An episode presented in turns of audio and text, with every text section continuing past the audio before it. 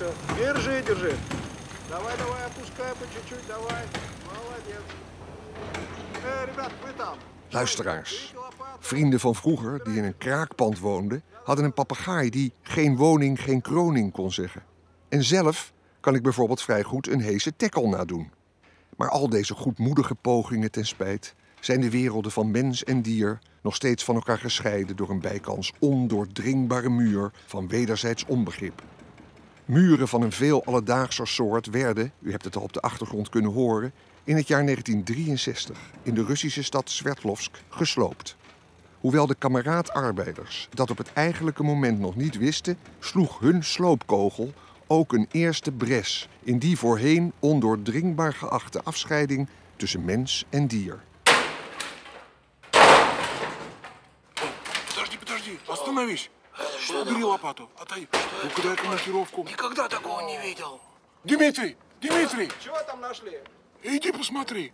Я, подожди, сейчас. In de ruimte tussen vloer en plafond van de derde verdieping vond men een verzameling van duizenden papiersnippers, keurig in het gelid als bij een 1 mei-optocht. Jarenlang onderzoek wees ten slotte uit dat het hier niets minder betrof dan een bericht uit een andere wereld. Het levensverhaal van een knaagdier, geschreven door een knaagdier. Verloren gewaand, maar recentelijk weer teruggevonden, de wereld als drift en desillusie. Memoires van een knaagdier.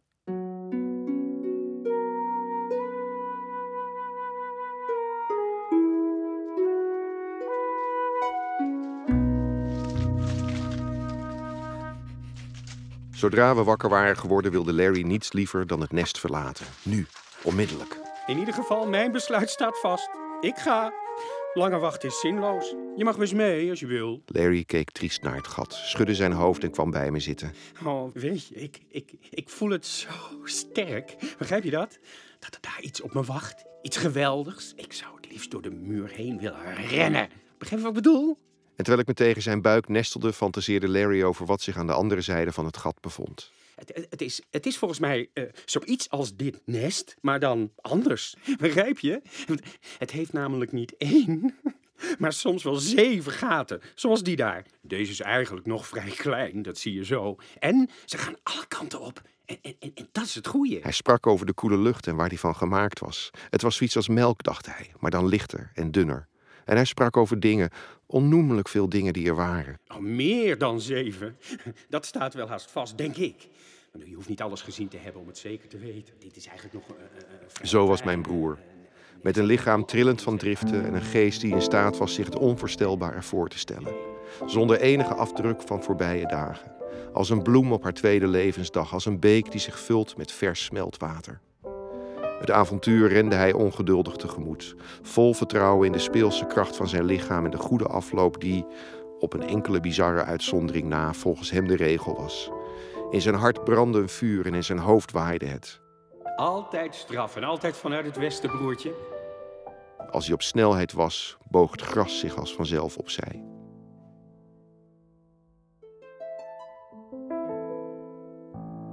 In deze scène hoorde u naast de schrijver Carlos zijn net iets oudere broer Larry, een figuur die het hele boek door terug zal komen als spiegel van de schrijver. Ondanks het feit dat de eerder genoemde Larry reeds in de eerste zomer van zijn leven door een roofvogel werd opgevreten. De zinloze en voortijdige dood van zijn broer, iemand die, in de woorden van Carlos, als geen ander voor het leven was uitgerust, maakt grote indruk op de jonge schrijver en leidt tot zijn eerste bespiegelingen over de drift die het leven van alle afzonderlijke individuen lijkt te sturen. Ja. Nee, ik voor, ik voor.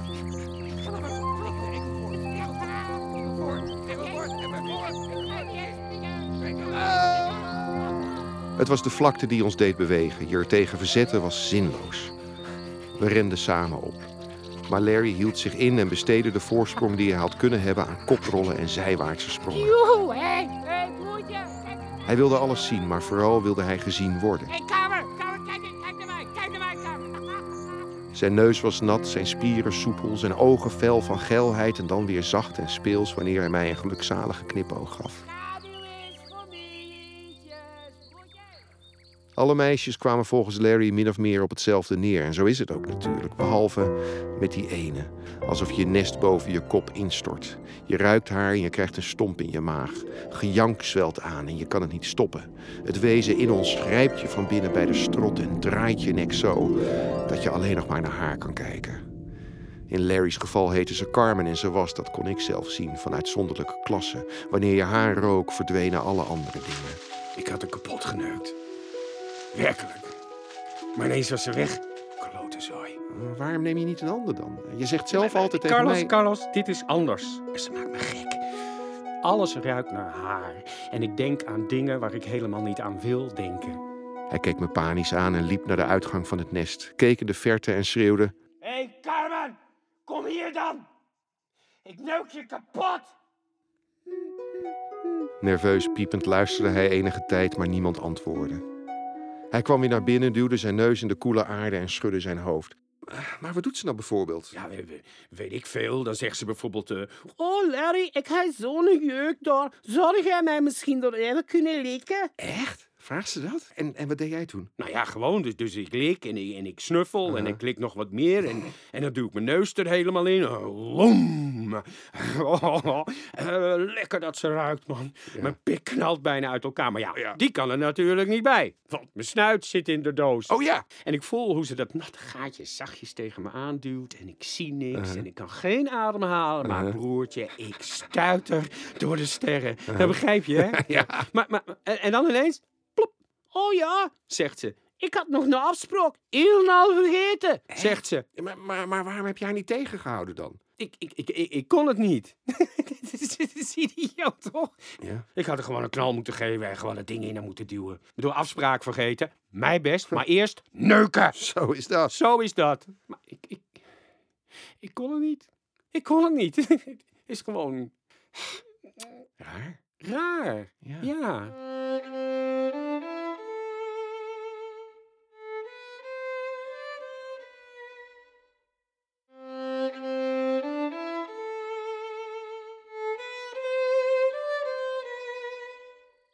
Later die middag waren we samen op de vlakte. En het duurde niet lang voor we Carmen tegenkwamen. Die deed alsof ze ons niet zag en zocht fanatiek naar iets denkbeeldigs onder de grond. Het hitsige wezen draaide zich daarbij zo dat het zonlicht door het vacht heen haar vochtige opening streelde. Ik zocht Larry's blik, maar die zag niets meer behalve de geur. Carmen. Hey, hey Karma. Ze draaide zich half om, wierp een verstrooide blik op hem en scharrelde verder. Oh, hé. Ben jij het? Ik zat onder een steen en zag hoe Larry midden op de vlakte tot stilstand kwam en twijfelde. Hij draaide zich in mijn richting en knipperde met zijn ogen tegen het felle licht, doof voor iets anders dan haar geur, zodat hij vermoedelijk nooit de schelle kreet hoorde die de aankondiging was van een gevederd lot dat uit de hemel kwam vallen en dat niet eens de moeite nam om te landen, maar scherend over de grond met hooghartige precisie toesloeg. Ik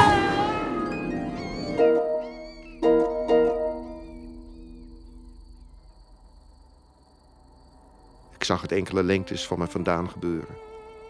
Ik kwam onder de steen vandaan en staarde naar de afdrukken van zijn poten, die zonder een spoor van worsteling midden in een stap ophielden. Ze waren het enige tastbare bewijs van Larry's bestaan. Iets anders had hij niet nagelaten.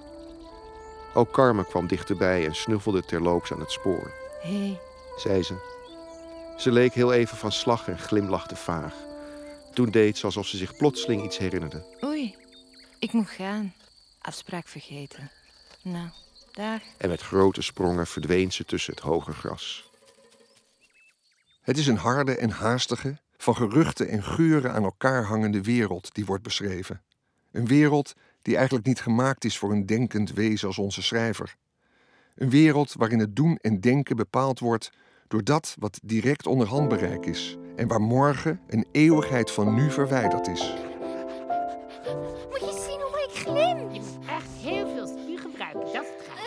Lik je je daar ook? Natuurlijk, dat is het belangrijkste van allemaal. Ruik ik niet vreemd, zeg eens eerlijk.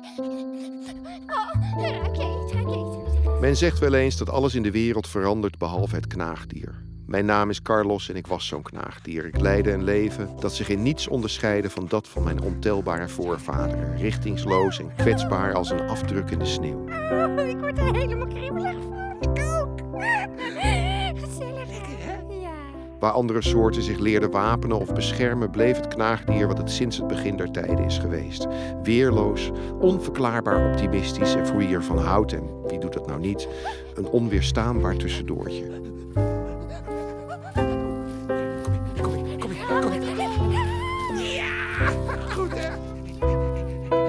Dat wij nog bestaan is alleen daaraan te danken dat we ons net iets sneller voortplanten dan de dood.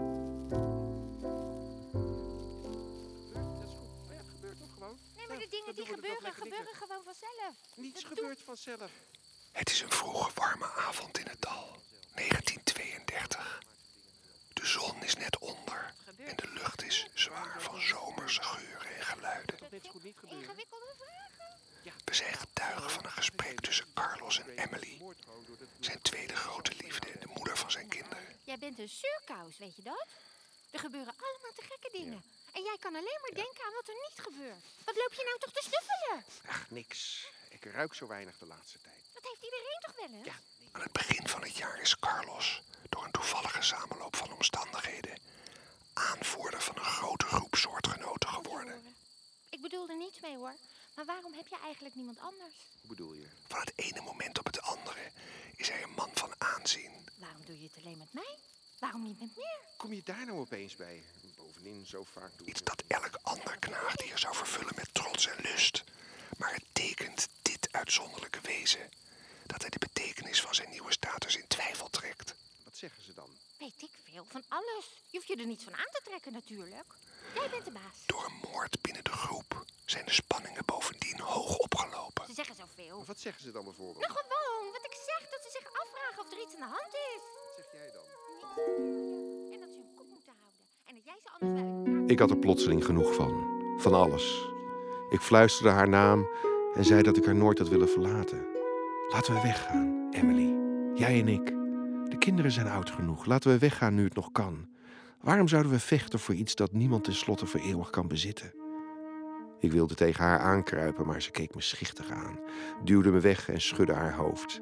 Soms, weet je, Carlos, soms begrijp ik je gewoon niet. Ik heb heel eenvoudige verlangens en ik wil niet moeilijk doen, maar toch, wat wil je eigenlijk? Ik pakte haar schouders vast en keek haar recht in de ogen. Weg wil ik, weg van dit zinloze rumoer. Jij noemt onze kinderen zinloos rumoer? Ach, wel nee, zo bedoel ik het niet. Maar herinner je niet hoe het vroeger was? Oh, wacht. Dus jij wilt dat ik weer samen met jou over de vlakte ga zwerven en uitgelachen word? Ik werd vroeger niet uitgelachen. Je werd ook niet gerespecteerd. Respect van wie? Respect? Van wie jouw respect verschuldigd is natuurlijk. Dat is toch normaal? Je denkt alleen maar aan jezelf. Wat moet er van mij en de kleintjes worden als ze je niet meer respecteren? Je laat over je heen lopen, jij. En je bent blind voor mijn zorgen zoals je blind bent voor alles behalve je eigen existentiële twijfels. Emily, wacht. Wat wil jij dat ik je kinderen over hun vader vertel dan? Dat hij een wegloper was? Ooit had ze iets meegemaakt, nog voor ik haar kende. Ze werden niet gerespecteerd. Jij bent een man. Dat ligt anders. Maar als een vrouw, als een jong meisje niet gerespecteerd wordt, dan wil ik gewoon nooit meer meemaken, Carlos. Ze keek naar de grond en fluisterde in diepe ernst. Dan bijt ik ze liever nog zelf dood. Ze liep van me vandaan en draaide rondjes om het lijk van Graham. Ze piepte zacht. Oh, nee, de kriebel. Wat meurt die gast, zeg. Lekker ruiken deed hij levend al niet. Maar dit slaat alles.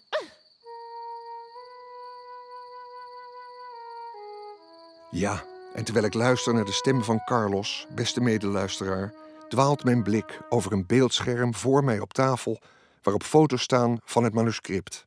En u vraagt zich ongetwijfeld net als ik af hoe dit knaagdier tot het inzicht kwam om dit te doen. Dat gebeurde, kan ik u zeggen, als in een visioen.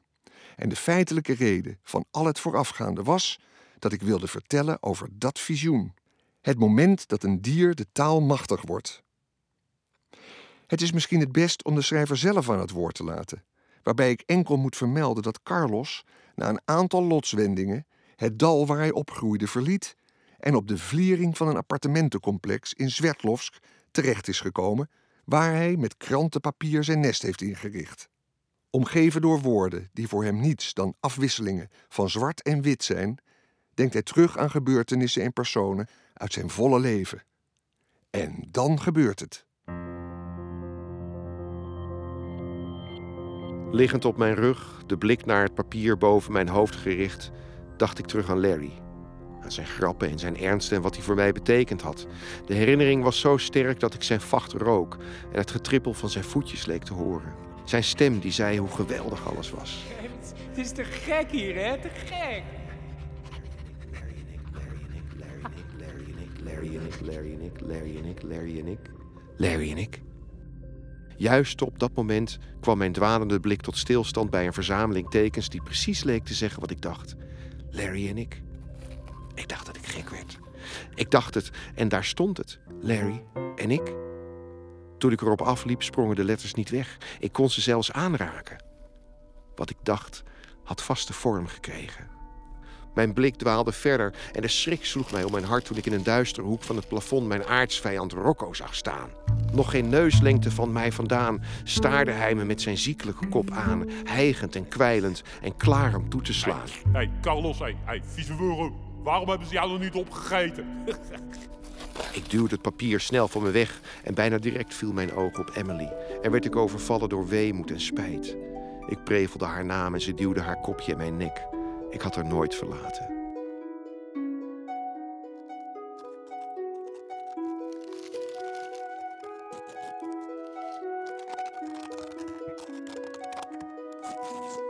Dagenlang dwaalden mijn ogen over steeds weer nieuwe delen van het papier, op zoek naar woorden die zeiden wat ik dacht.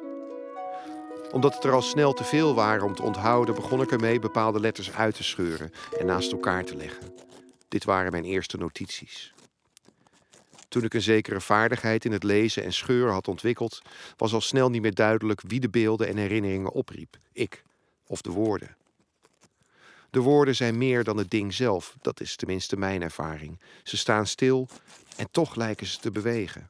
Alsof pratend over de wereld de drift ook in hun wezen trekt en hun eigen weg gaan, voortgedreven door een macht binnen in het woord. Dezelfde macht die van een rups een vlinder maakt. Dezelfde macht die mij achter hen aan doet rennen. De hele winter lang scheurde ik letters uit en legde ze precies zo neer dat ze leken op wat ik dacht. En wat ik had meegemaakt stond daar, onveranderlijk en voor niets of niemand bang.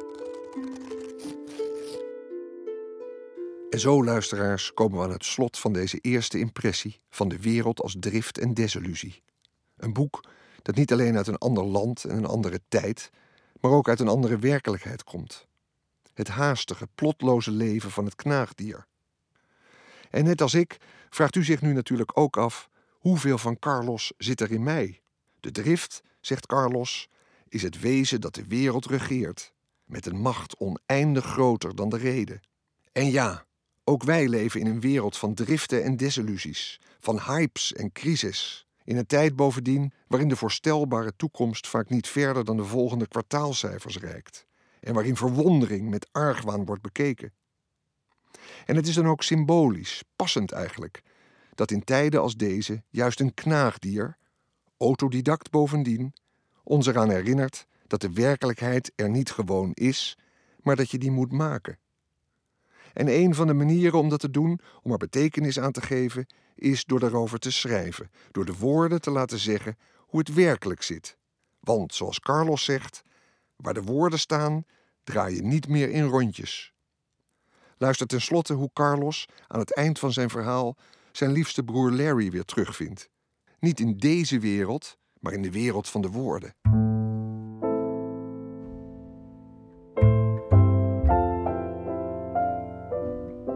En dan zie ik Larry.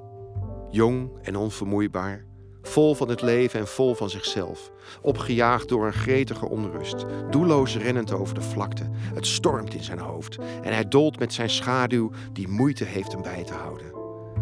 Doelloos, zeg ik. Nee, doelloos was het nooit. Ja, ik, ik weet altijd waar ik ben, broertje. Namelijk hier. En waar hij naar weg was, lag altijd een stukje verderop. Hij was nog nooit verdwaald. Daar staat hij voor mij. Glimmende neus, sprankelende ogen en die eeuwige grijns op zijn lieve knappe kop. De letters trillen als de draden van een spinnenweb nadat er een windvlaag is gepasseerd. Een druppel valt uit het zwaar met dauw beladen web op een blad. Rust daar heel even uit, schuifelt dan op zijn gemak langs de nerf van het blad naar beneden en vloeit samen met een eerder gevallen druppel die er al een tijdje had liggen wachten. En, broertje, hoe, hoe, hoe, ging het? Ben je mij geworden? Heb je mijn leven geleid? En hoe was het? Was het, was het te gek? Wat zal ik hem vermoeien met mijn bedenkingen? Mijn gezicht wordt een brede glimlach en ik meen het als ik zeg... Ja, het was wat gek, ja. Zie je wel, zie je wel. Had ik het niet gezegd? Dan geeft hij mij een vriendschappelijke stomp. Ja. Hé, hey, Carlos, kom, mafkees. Eh, Doen we het eerst bij de Paarse? De woorden als het hoge gras buigen eerbiedig naar links en rechts en ontvouwen zo een pad dat in een rechte lijn naar de Paarse Bergen loopt. Zonder mijn antwoord af te wachten rent hij weg. Ik twijfel geen moment en ren hem achterna.